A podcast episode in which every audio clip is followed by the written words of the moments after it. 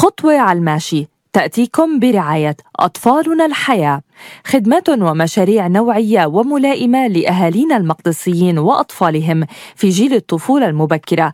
نقدمها لكم من خلال قسم الطفولة المبكرة وصفحة أطفالنا الحياة على مواقع التواصل الاجتماعي.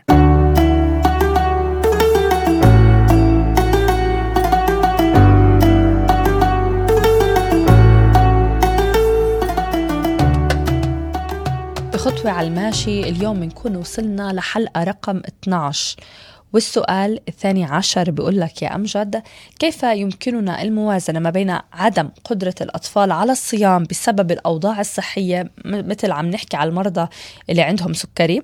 وحاجتهم لتناول الطعام مما يولد تحديات سلوكية لدى إخوتهم الصائمين. ربما هذا يكون سؤال شوي معقد بس بحاجة لتفسير أكثر ولإجابة يمكن بدك وقت فيها. مع ذلك حط الوقت بس مسموح لي بس مسموح لي بس أنا اليوم مسموح لي شوي أتخطى. شوي بتقدر تتخطى. طيب.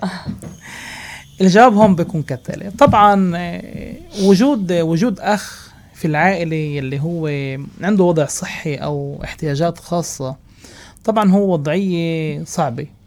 إحنا بنعترف فيها وإحنا كمان كأخصائيين وأنا كباحث اللي درس وبحث في هذا المجال وفي مستوى الستريس الضغط عند الأهالي وأثبتت هذا المعطيات إنه طبعا أثبتت إنه في في حين ما كان في توجيه أكثر وتوجه أكثر للأهل ومرافقة بقل نسبة الضغط من وجود إيه، إيه، طفل ذو احتياجات خاصة داخل البيت وتأثيره على خلينا نحكي آه، الروتين اليومي. فالجواب هون بده يكون كالتالي. أول إشي إحنا لازم نحكي مع أطفالنا في مفهوم شهر الصيام.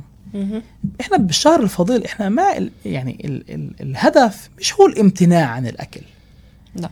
يعني يعني الإنسان بيقدر اليوم يصوم وفي كثير أشخاص بتصوم خلال أيام السنة وفي أشخاص حتى من من منطلق صحي بتمارس. أنا بعرف صيام متقطع وأشياء أخرى اللي هي بتعملها. لازم أول شيء نحكي مع أطفالنا إنه الشهر الفضيل الهدف منه ضبط النفس الشعور مع الآخرين والشعور مع أخوك.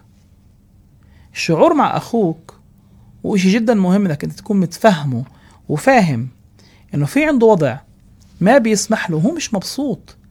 يعني أنا كان بعرف كثير أطفال مرضى إيه، سكري اللي هن بيكونوا بدهم يصوموا يعني هن بيكونوا بيحبوا يكونوا زي باقي الأطفال وزي باقي يعني حتى في المدارس وبيخبوا هذا الإشي لأنه هن ملزمين.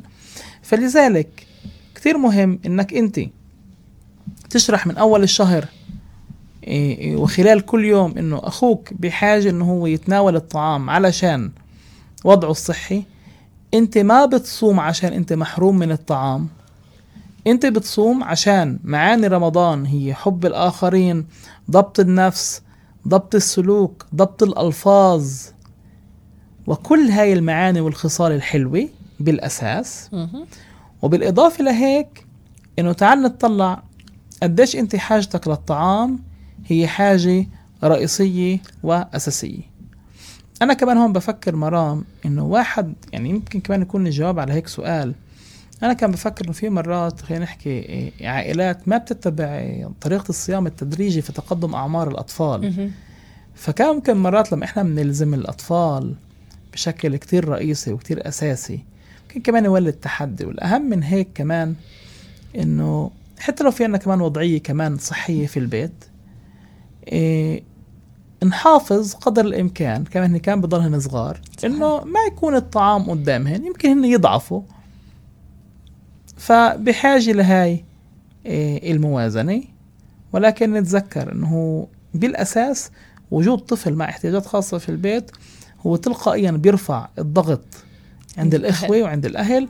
فعشان هيك المفروض كأهالي إحنا كمان شوي نطول بالنا بالعكس ونساعد اطفالنا يفهموا أكثر ويساعدوا أكثر ورمضان كريم.